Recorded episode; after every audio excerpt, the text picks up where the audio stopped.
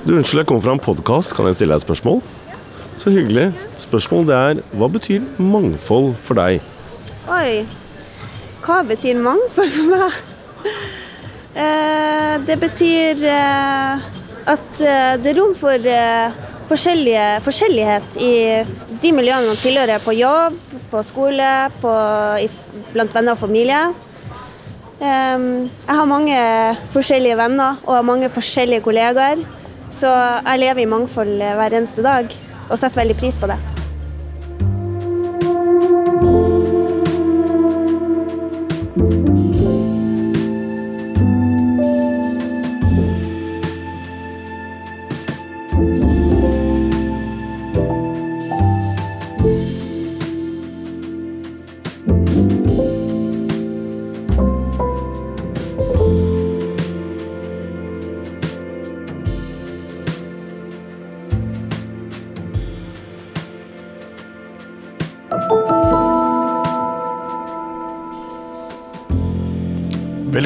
Til en eh, ny episode av Sampodden som sendes her fra Youngstorget i Oslo. Christian Kjelstrup heter jeg, jeg er redaktør i Samtiden. Det vil si, er jeg det nå? Fordi nå har jeg den ekstra store gleden av å ønske velkommen til deg, Bjørn Hatterud, som er gjesteredaktør for det siste Samtid-nummeret. Velkommen. Tusen takk. Det er veldig hyggelig at du har påtatt deg den oppgaven, og at du er her i studio med meg. Det var en ære å bli spurt, og det har vært en utrolig interessant opplevelse å få til å redigere et tidsskrift, og særlig Samtiden. da. De som kjenner litt til eh, samtiden, vet jo at vi har ofte temabaserte numre. Og eh, da jeg kontaktet deg, så var det eh, fordi jeg ønsket å lage et temanummer om mangfold. Som jeg tenker at du kunne gjøre på en veldig interessant måte. Men før vi går litt inn på selve temaet, så må vi snakke litt om deg, Bjørn Hatterud.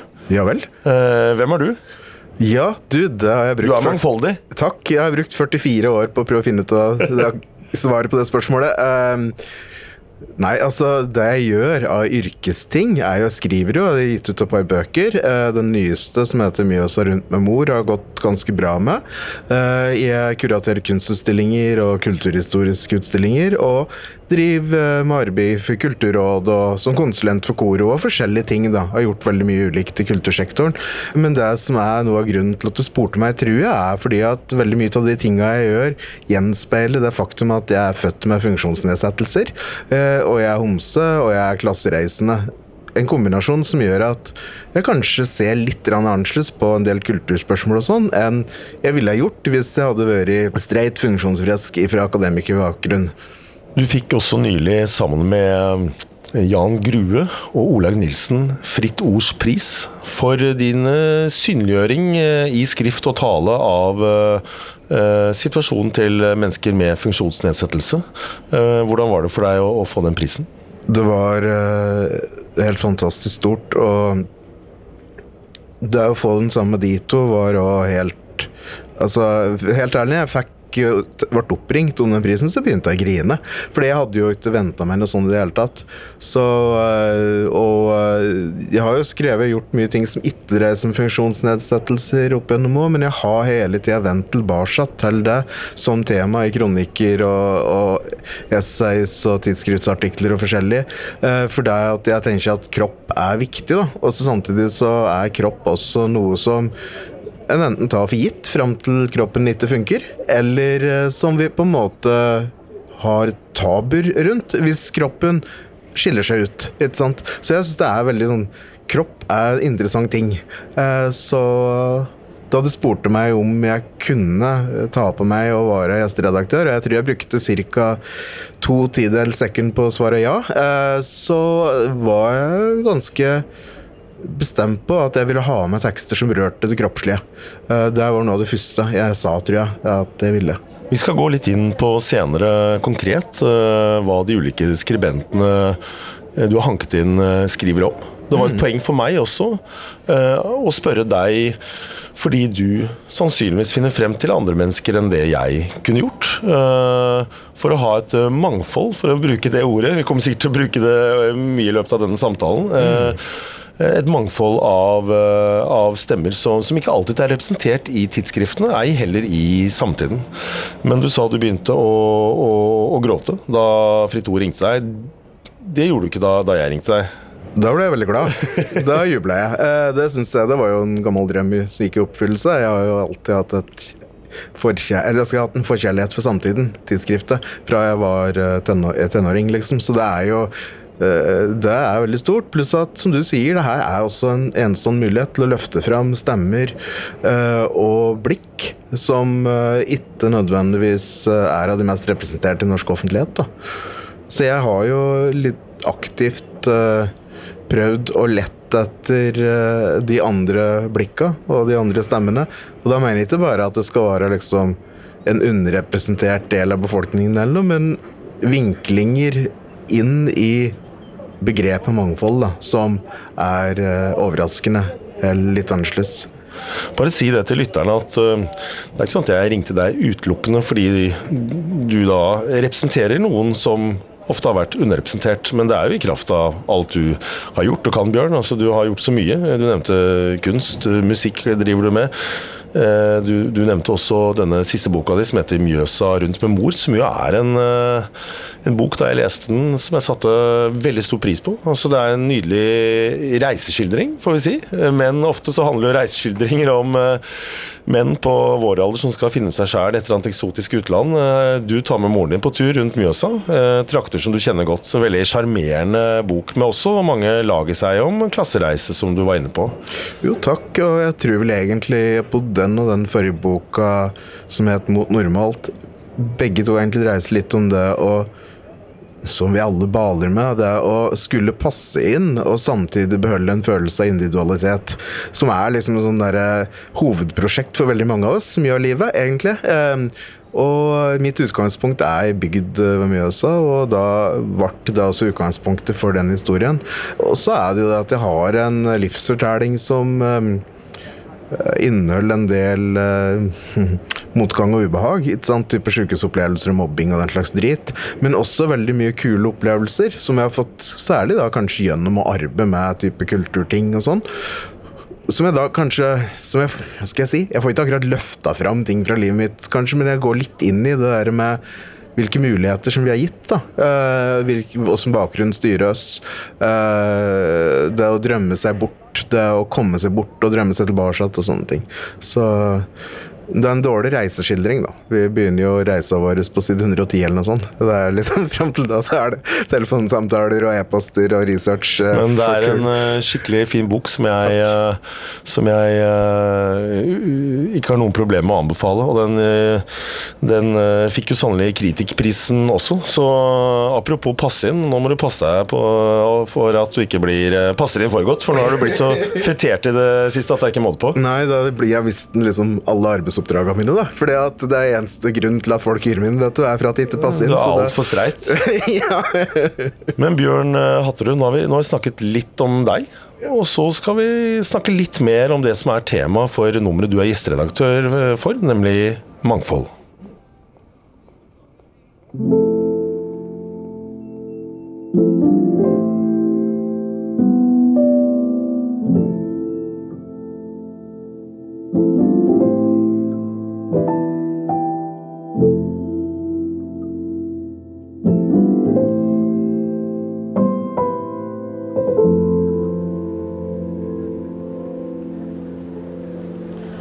Hva betyr mangfold for deg?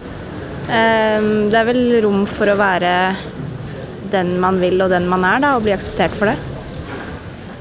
Syns du samfunnet er mer mangfoldig nå enn før? Det er vanskelig for meg å si. Jeg er ikke så gammel.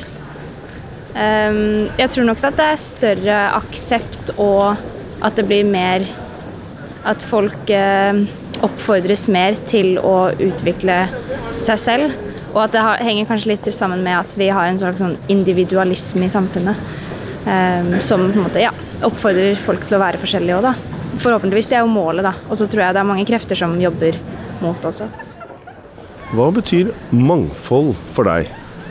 Oi. um, at man kan gå sammen på gata sånn her og snakke forskjellige språk og jobbe sammen.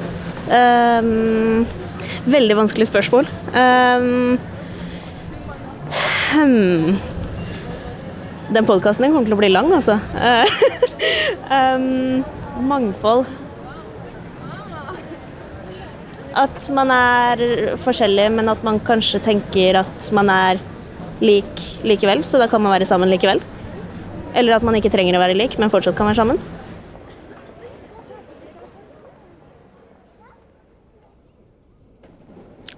Bjørn eh, Hatterud, eh, vi sitter her i eh, Samtidens drivhus på Youngstorget i Oslo. Og du er her som gjesteredaktør for dette helt ferske nummeret av Samtiden om mangfold. Mangfold det er jo på mange måter et ord det har gått inflasjon i, i lenge, egentlig. Og kanskje litt derfor så heter nummeret ditt 'Det jævla mangfoldet'. Før vi går inn på hva du vil med eh, mangfoldsbegrepet, mm. eh, ser du noen problematiske sider ved bruken av det? Ja, altså som jeg skriver i lederen, da, så, så, er det flere problemer her. Det ene er jo altså at mangfoldet på en måte er eksklusivt. Det finnes grupper som ikke automatisk inkluderes i et mangfoldsperspektiv. Det kan være folk som er overvektige, folk med rusproblemer eh, osv. En annen ting ved mangfoldsbegrepet er at det er jo en del personer som er inkludert i det, som egentlig overhodet ikke ønsker å være del av det begrepet. Altså, la oss si den delen av mangfoldsbegrepet som kalles funksjonshemmede, er jo liksom en kategori som blir skapt gjennom at folk med funksjonsnedsettelser møter et samfunn som ikke er lagt til rette da, eh, for dem, og på den måten blir de funksjonshemmede. Altså samfunnet hemmer de deres funksjon. Eh, og på den måten blir de putta i en mangfoldskategori. Ideelt sett så skulle mangfoldskategorien funksjonsnedsettelse på en måte også miste mening, hvis du skjønner hva jeg mener. Fordi at i, hvis ting hadde funka sånn det ideelt sett burde, så burde jo eh, samfunnet tatt til høyde for alle typer kropp, av kropper. Og det her er på en måte kanskje kjernen i mangfoldsbegrepet. At mangfold er en merkelapp vi bruker på det som er dødt utafor. Eh, det som ikke er blitt inkludert. Eh, enten det er i kanon eller i styrerom eller på andre måter. ikke sant? Og, men det betyr også at det er noen som har kontrollert hva som er kanon, og hvem som skal inn i styrerommet. Og det virkelige problemet er jo hvis det er den samme type personer som skal bestemme hvem det er som skal inn i mangfoldet, som da skal bes inn i kanon og styrerom osv. Så, videre. så det er Nå får jeg høre jeg voldsomt negativ ut. Altså, jeg er jo ekstremt begeistra for mangfold, men det ligger Skal jeg si potensielle problemer i mangfoldet som er greit å belyse. Og um, Sånn at vi på en måte ikke ender opp med å bruke mangfold som en form for sminke. da. Der vi sitter og tenker oi, dæven, vi mangler en homo eller vi mangler en rullestolbruker. Der fikk vi den på plass, da er alt i orden. Jeg Syns du det av og til er sånn at mangfold uh, blir liksom brukt til uh, som pynt uh, og en form for kapital da man kan flagge? Det er jo nå skal ikke jeg være for krass her, men det er jo eksempler på eh, at det finnes både i eh, privat næring og i offentlige etater eh, en måte å vise fram eh, i gåsehudene avvikerne da, på en sånn måte at at det styrker de som avvikere. Altså, men det her er sånn grenseoppganger som uten noen sånn veldig definitive, eh, definitive endepunkter eller hjørner eller avgrensninger. Jeg tror det viktigste premisset, eller viktigste ting vi må huske på, er at målet må være at eh, folk skal ha omtrent like muligheter, uansett åssen kropp eller bakgrunn de har. Eh, og hvis det er noen som forhindrer de fra å ha omtrent like muligheter, så er det selvsagt et tap for de det gjelder, men det er et tap for samfunnet også. Det er et sammenligningsgrunnlag er kanskje Norge før eh, den moderne kvinnebevegelsen på slutten av 60-, til 70-tall. Eh, da det var én kvinne i regjeringa som regel, som da var kvinna. ikke sant? Det var eh, ekstremt sjeldent med kvinner i maktposisjoner osv. Og, så og kvinner var knapt synlige. Uh, og på den måten så holdt vi jo effektivt uh, halvparten av kompetansen i befolkningen ute. Uh, og det er jo det som også skjer når 15% av befolkningen har funksjonsnedsettelser, og det er over 100 000 med funksjonsnedsettelser som i dag er ufrivillig uføretrygdede. Så de ønsker seg til jobb, men får ikke jobb. Det her kan jeg prate med timevis, jeg skal ikke gjøre det. Poenget her er at Man kan lese Eh, samtidsnummeret ditt. jeg håper at jeg kan gi noen tekster som kan i hvert fall gjøre at den kan reflektere litt rundt hva det vil si, og mangfold betyr, og, åssen det slår ut i praksis, det begrepet og, og sånne ting. da. Men du Bjørn, eh, før vi går inn på disse, eller noen av disse tekstene, da. Um, du har sagt litt om eh, det negative med bruk av mangfoldsbegrepet. Et begrep som også kan misbrukes. Men nå da jeg ga deg dette oppdraget, da. Hva var det du ville få til, da? eh, Med nummeret, og hvilken retning ville du eh, dreie mangfoldsdebatten i? Eh, jeg har jo ikke lagd et nummer som er sånn kritisk, slaktende, negativt i det hele tatt. Tvert imot så prøver jeg å vise et levende mangfold. eh, et mangfold av mangfoldet. eh, paradokser som oppstår i mangfoldet. eh, og prøve å vise at folk er så forskjellige, mer forskjellige enn vi kan gjettes til, og at veldig mange av oss ikke passer inn i bokser og kategorier som er enkle å lage. ikke sant?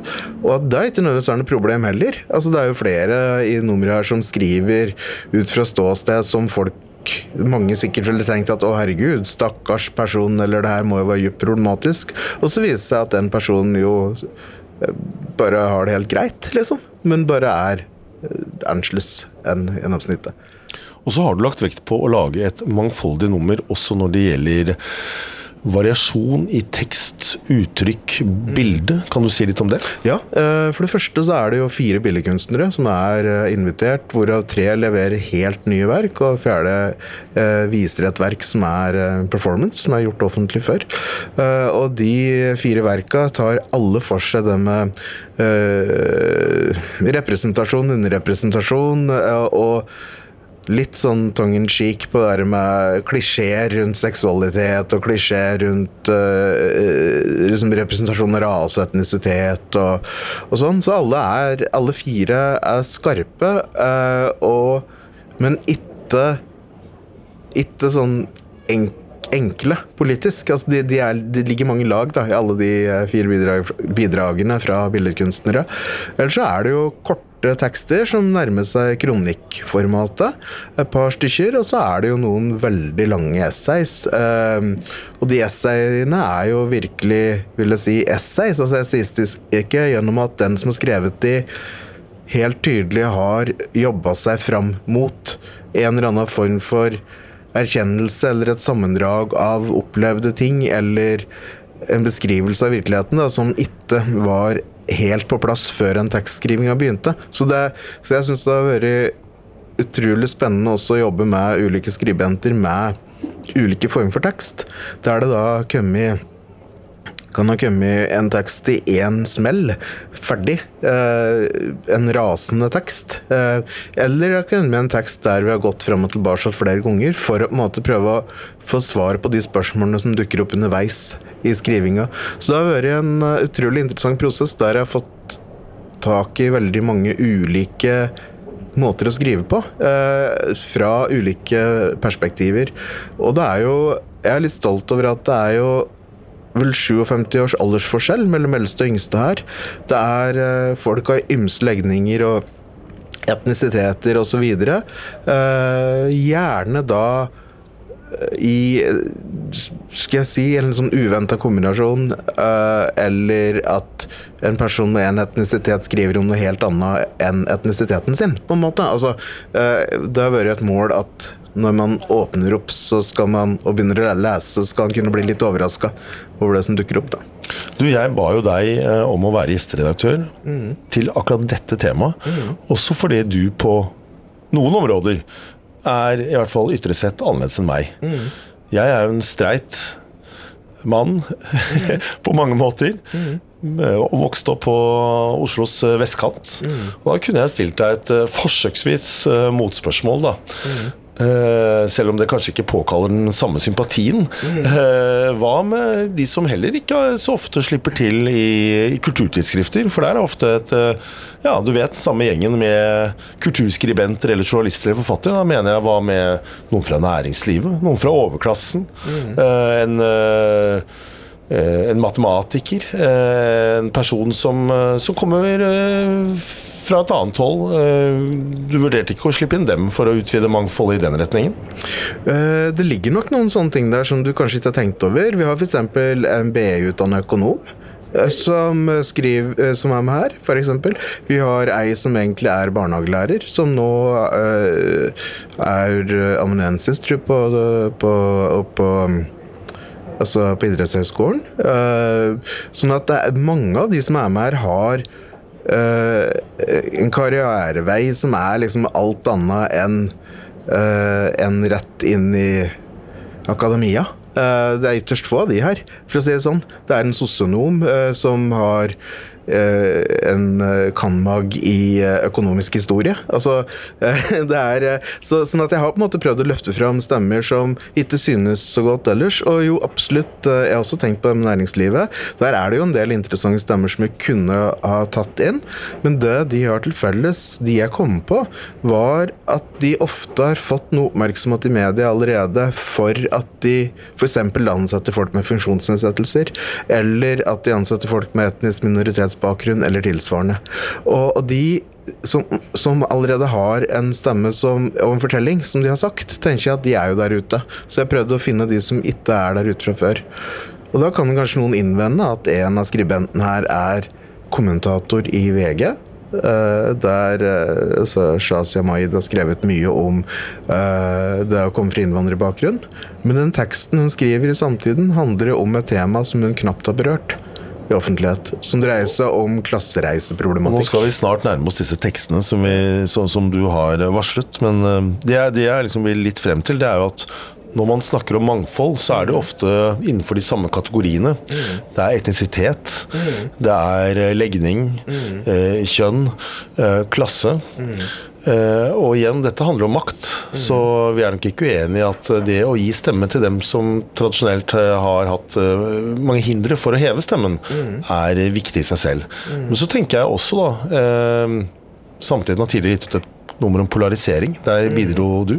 Og det er litt sånn påfallende, er ikke det, at vi fortsatt i 2021 holder på med disse skillene mellom folk. Enten det er noen som er marginalisert i kraft av å være en minoritet uten makt, eller det er bare et sjikt vi ikke er i kontakt med fordi vi ikke kjenner dem, og som jo er mennesker som deg og meg, enten du er da en topputdannet økonom eller en eh, eh, person som kanskje er ekspert på et fagfelt, men som aldri ytrer seg i samfunnsdebatten. Ja, nei, Det er interessant det du sier der, fordi det er to ting her som du kommer inn på. Det sistnevnte som går, jo- går jo på det der med at vi har en tendens til å lage oss uh, bobler av folk som ligner oss, som vi ferdes sammen med. Uh, og det er jo særlig problematisk når en kommer i en situasjon der en faktisk reelt sett har noe makt. Fordi at da, jeg tenker Hvis en har makt en annen, på en eller annen måte, eller du har en posisjon, eller er privilegert på et eller annet vis, så er det enda viktigere å opprettholde kontakten med de som ikke er i den posisjonen sjøl, tenker jeg. Og så tilbake til det med type Uh, mangfold også blant vestkantgutter og sånn, så er jo en av bidragsyterne er jo eh, vokst opp i en, eh, svært, et svært godt møblert hjem på Grefsen, men som da og, og har lang utdannelse fra Harvard også, og videre. Harvard, Cambridge er det vel. Eh, som på alle måter sånn sett er privilegert, men som da skriver om en analyse av klassisk musikk. Og nå kommer jeg igjen tilbake på teksten, da, så spørs om vi bare Og hopper over da litt. la oss øhm, trekke pusten, Ja. og så Så snakker vi litt mer om tekstene som finnes i nummeret du har gitt tittelen 'Det jævla mangfoldet'.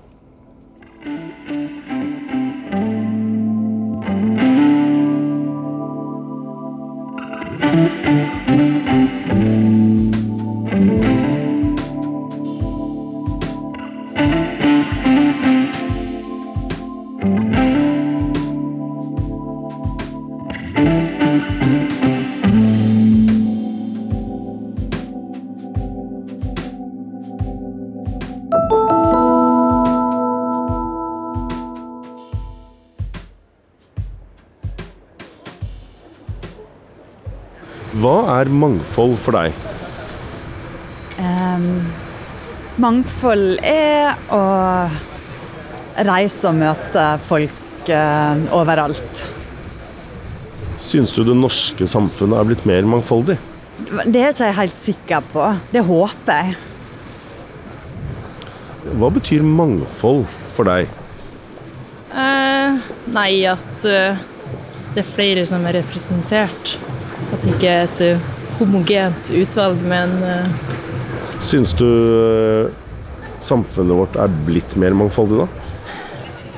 tja, på en måte, men samtidig så er det liksom Mennesker grupperer seg naturlig, ikke sant? Og ofte med folk som de syns er lik seg sjøl. Så det er ikke nødvendigvis at alle gruppene i samfunnet er så mangfoldige. Unnskyld, jeg kom fra en podkast. Kan jeg spørre deg om noe? Nei. For de var nemlig døve. Så de hørte meg ikke. Og så at de snakket om døvespråk.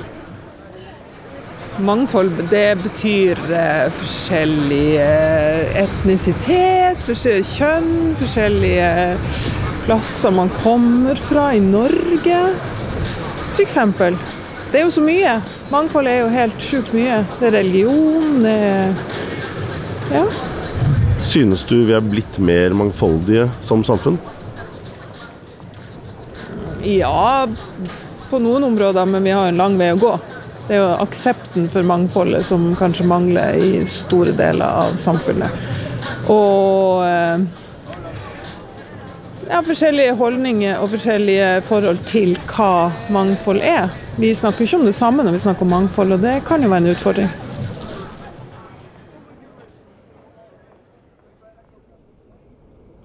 Du, Bjørn Hatterud, eh, det er skikkelig hyggelig å ha besøk eh, av deg i uh, Sampodden. Takk. Uh, og jeg er så glad for at du sa ja til uh, å være gjesteredaktør for dette nummeret. Men vi må bevege oss litt mer inn i tekstene.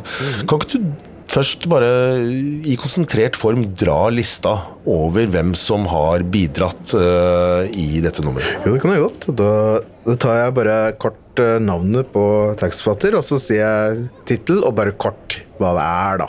Så begynner tidsskriftet med Kristin Vindhol Evensen sin 'De unormale normalkroppene'. Kristin har uh, jobber på idrettshøgskolen, og hun skriver da om åssen idrett forholder seg til eh, kropper som beveger seg i grenseoppgangene for normalitet, enten det er innen kjønn eller funksjon.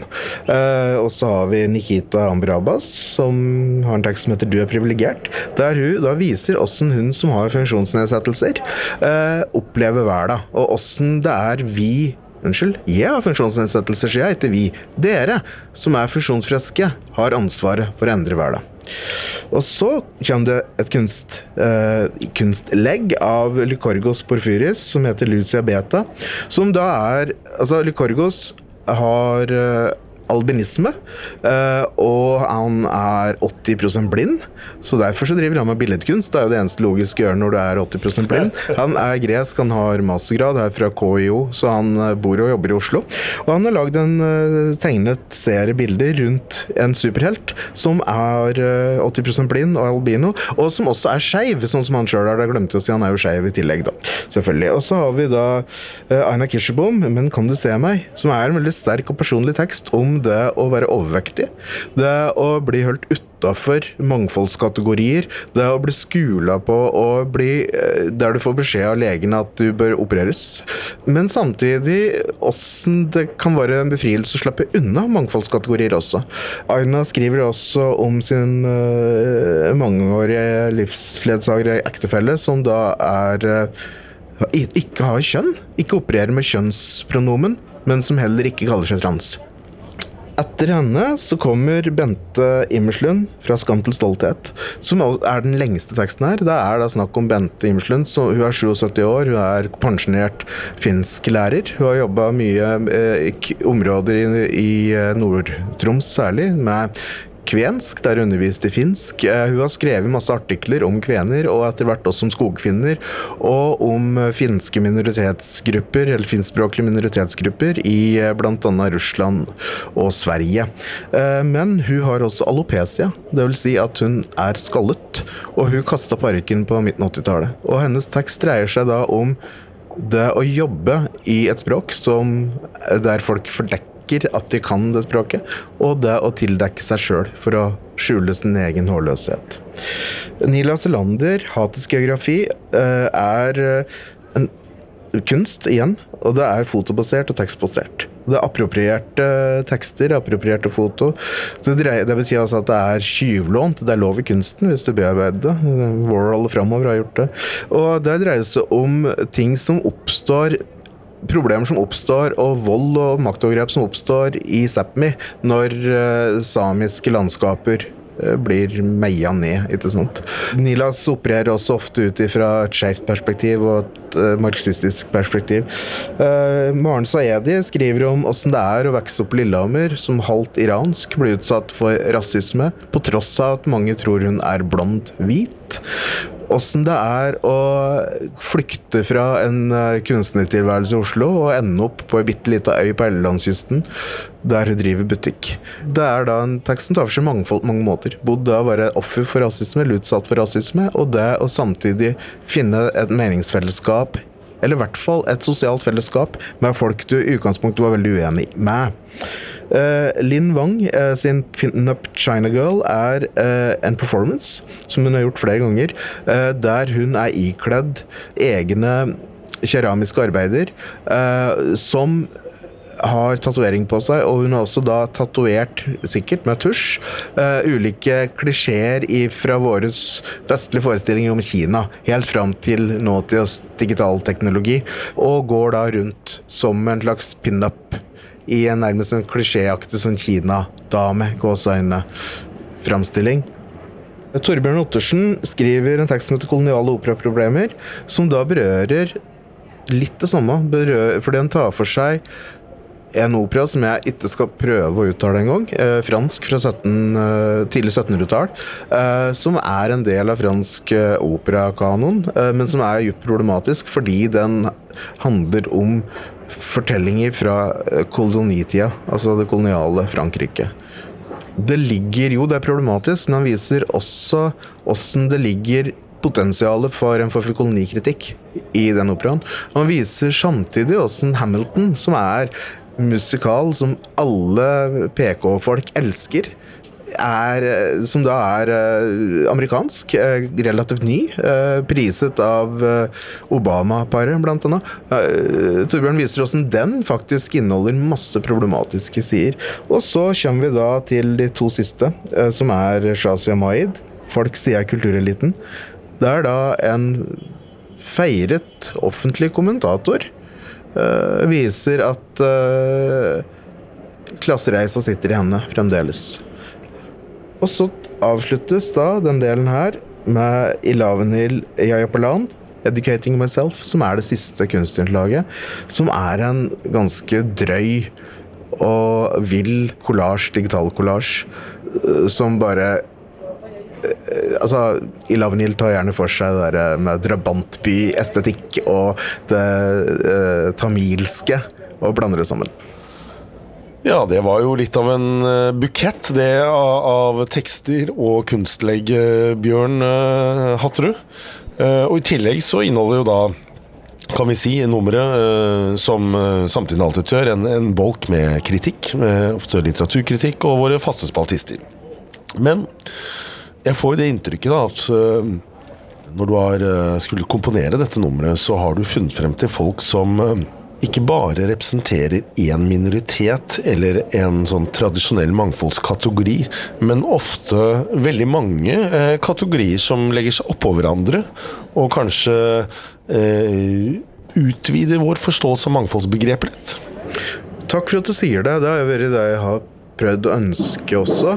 Eh, For det første så er de fleste av oss mer mangfoldige enn vi ser ut til på overflaten. Det er jo en realitet. Sjøl den streiteste streiting eh, vil jo være mye mer mangfoldig enn man er klar over, ikke sant?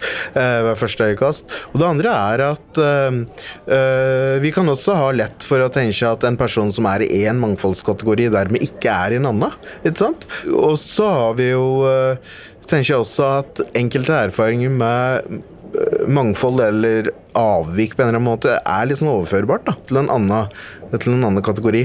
Så eh, jeg tenker, hvis jeg skal dra fram et eksempel, da, så kan jeg jo ta Maren Saedi, som jo er eh, der faren er iransk. Og hun opplevde jo sjøl som unge eh, problemer med rasisme fordi faren var fra Iran, og opplevde mye drit, egentlig. Nå i, som voksen så har jeg jo flyttet ut på ei øy på Ellelandskysten, og opplever jo da i kommentarfelt og bli tatt uh, til inntekt for at Altså, de skrev noe sånt som at en valkyrie eller viking eller et eller annet sånt, som henne forstår godt at hun flytter fra storby fra Oslo, ja. Eh, Så, så hun er på en måte så blond at folk med litt sånn lett rasistiske tilbøyeligheter tar henne til inntekt for hvor ille det er å bo i Oslo for folk som er blonde, samtidig som hun har opplevd å bli utsatt for rasisme eh, opp gjennom oppveksten.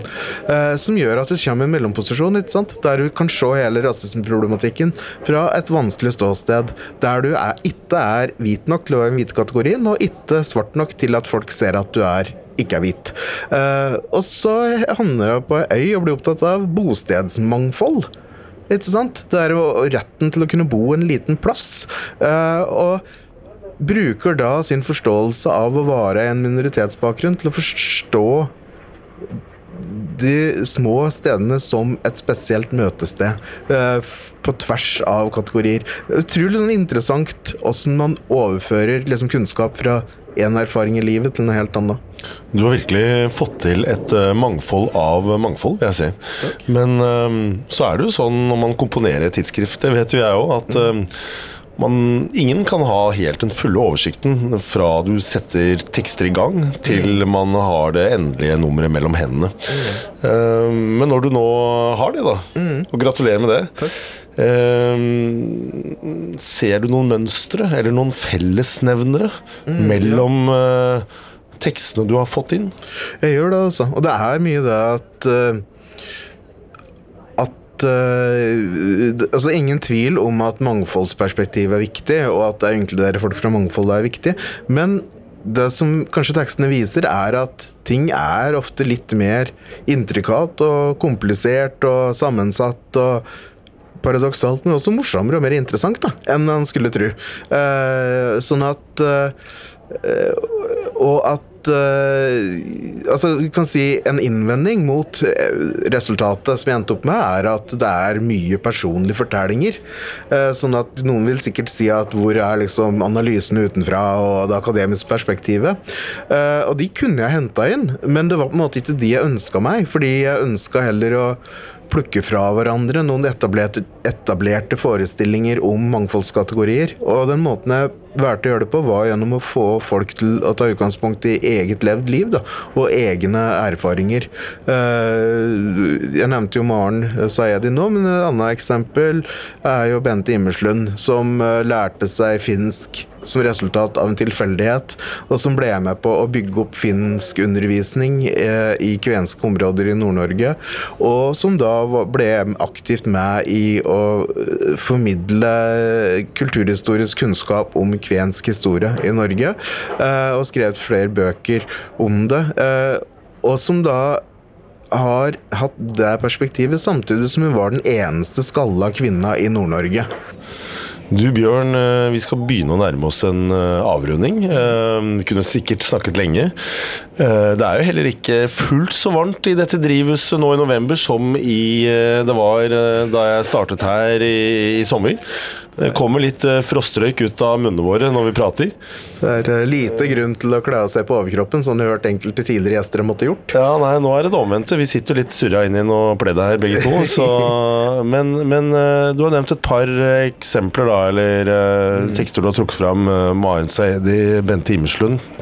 Hvis du skal få lov å nevne én tekst til, da, som du tenker at de som leser Samtiden, eller de som lytter til Sampodden, og som har fått servert tekster før om alt fra klima til innvandringsdebatt til polarisering, som nå er nysgjerrig på dette temaet mangfold.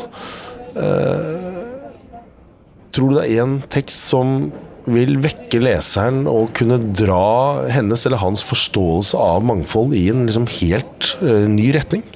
For å si det sånn, Jeg tror nok det gjelder flere. Eh, Her eh, håper jeg. Eh, Men et konkret eksempel er jo eh, altså Kristin Vinno Levensen sin tekst. der hun viser til åssen idrett oppfører seg når en person med funksjonsnedsettelser ender opp med å hoppe høyere lengre enn en person uten, fordi at den har ortopedisk skinne. Eller der en person med en transperson ender opp med å mistenkes for å kunne løfte tyngre. Eh, Den type kategorier som idrett har, gjenspeiler jo på mange måter i kategorier vi sjøl lager imellom folk. Sant? Mellom funksjonsfriske og, og folk med funksjonsnedsettelse osv. Uh, og den teksten tror jeg nok at vil kunne gjøre at en del folk reflekterer rundt åssen vi kategoriserer kropper. Eh, og det tror jeg er et veldig godt utgangspunkt for å liksom åpne mer refleksjon rundt hvordan vi kategoriserer folk. For det er egentlig kanskje det tidsskriftet her handler mer om enn noe annet. Er Hvordan vi etablerer kategorier da, for skitt og reint og ønsket og uønsket, og at noe er bedre enn noe annet, og at noen kropper er funksjonsfriske og noen er funksjonshemmede, og at noen er streite og noen er skeive. Altså de, de kategoriseringsmekanismene og de båsene vi bruker, uh, at det ligger problemer i de. Eh, og at det ligger ofre for dem, men at det også ligger uh, potensialet for paradoksale og spennende opplevelser når man bryter de båsene, kategoriene. Sånn at eh, og det tror jeg er liksom gjennomgående hele nummeret, så sånn sett syns jeg hennes tekst er et godt eksempel, men det er ikke til forkleinelse for de andre, for jeg må innrømme at jeg er tilstå at jeg er veldig stolt over alle tekstene som er med her, altså. Du, eh, Bjørn, eh, du sa i sted at eh, eh, hvis man tenker på hvordan kvinner har vært underrepresentert i det norske samfunnet, så er det tankevekkende også eh, som, som parallell til hvilken grad f.eks. folk med funksjonsnedsettelse ikke er det i dag. Hvis du helt avslutningsvis skulle forsøke å se ti år frem i tid, da. Hvis vi satt her i drivhuset da. Gud forby, da er det vel blitt omgjort eh, til en iglo, nesten. Eh, hvordan tror du eh, mangfoldsdebatten og selve mangfoldet har beveget seg da? Du, det er veldig morsomt, for jeg er så gammel at jeg husker jo um, de homodebattene på 90-tallet. Jeg husker jo da det var sånn at uh, man pratet om homoprester. Uh, da man vurderte om man skulle få lov til å ha homoekteskap. Da det var spørsmål om man kunne ha homofile foreldre. Og da det i Ukebladets hjemme hos-reportasje var hans homofile ektemann, eller den homofile ektefellen, og der det kunne oppslag i Dagbladet som den og den persons lesbelykke eller homolykke, uh, som i dag jo virker helt absurd. Ikke sant? Og det er 20 år, ja, mellom 10 og 20 år siden. Uh, kanskje 25 år siden. Ikke mer enn tolv år siden uh, likekjønnet uh, ekteskap ble uh, lovlig i Norge. Nei, og det er vel Og det er vesentlig kortere siden kirken åpna opp. Men nå så hører jeg aldri om et homoekteskap lenger, men jeg hører jo om folk som gifter seg av, med sånne, noen av samme kjønn. Så jeg håper det som vil skje om ti års tid, er at en del av de forstavelsene vi bruker, blir borte. Altså at folk eh, Altså jo, en person sitter i rullestol fremdeles, selvfølgelig, men at det ikke lenger er et issue man må ta opp, fordi at butikken er tilgjengelig, fordi at puben og baren er tilgjengelig, fordi at det er lett å kjøpe en leilighet der alle kan komme inn, osv. Eh, tilsvarende gjelder det der med eh, personer som eh, er kjønnsoverskridende på en eller annen måte. At vi blir mer sånn vant til at å ja, eh, han er hen, ok, da er det hen. Altså, at, at vi på en måte stresser mindre med de tinga der, og at det blir mer sånn At vi kan tilbake til det som kanskje var litt utgangspunkt i samtalen vår også, at, at målet ideelt sett skal være at folk har like muligheter. Ikke sant? Og Det er jo at- ikke gitt Nei, det er ikke at gitt. det går sånn. Det er jo i en del land, også i Europa, hvor ikke utviklingen er i retning mer toleranse, økt frihet, økte rettigheter, men hvor det er mennesker med makt som ønsker å eh, bruke eh, minoriteter som eh, et eller annet eh, redskap for skremselspolitikk. Det er jo dagsaktuelt, dessverre. Så er det det. Og, men det jeg tenker er at en av måtene å unngå det på Uh, altså effektiv måte å prøve å unngå det på, er gjennom å vise at ting er mer komplisert enn kategorier. Det er lett å si at vi skal forby homofile hvis alle homofile er i samme kategori, der alle som er i den kategorien blir tillagt som egenskaper. Men hvis vi får fram hvor komplisert og komplekse og sammensatte og paradoksale folk er i alle kategorier, på kryss og tvers av kategorier, så er det så utrolig mye vanskeligere å lage en kategori å hate. Og det er vel noe av målet mitt også, å få frem at de kategoriene vi lager, de er ikke fullendte, de er ikke fullgode, og de lar seg overskride, gjerne med glede. Ikke sant? Og det tror jeg er et nyttig verktøy for å unngå en sånn backlash. Og med den appellen, Bjørn Hatterud, så sier jeg tusen takk til deg. Takk for meg. Igjen gratulerer med ditt første eh, eh, nummer eh, som gjesteredaktør av Samtiden. Takk. Som skal lanseres på Kafé Hærverk i Oslo 22. november. Mandag 22. november klokka 19. Vær der eller vær sær? Ja. Vær der og vær sær. Takk. Ja. Og Christian Kjelstrup heter jeg, og jeg er til vanlig redaktør i Samtiden. Og så er det sånn at eh, det kommer en ny episode av Sampodden neste uke. Og en liten forsmak på hvem du som lytter kan få møte, får du høre her. Altså Oslo kan man jo på en måte snakke, latterliggjøre litt. Ikke sant? Man kan behandle det litt sånn ufølsomt, eller på en måte eh, ikke tenke over konsekvensene. Annet ved at man kan ja, kanskje fremstille Oslo i litt negativt lys, fordi det er en opplevelse at man slår oppover. ikke sant? Av en sånn idé om at det er bygda som er marginalisert. Mens Oslo liksom er en sånn maktfaktor da, i alle sammenhenger. Det er et verdensbilde som må forstyrres.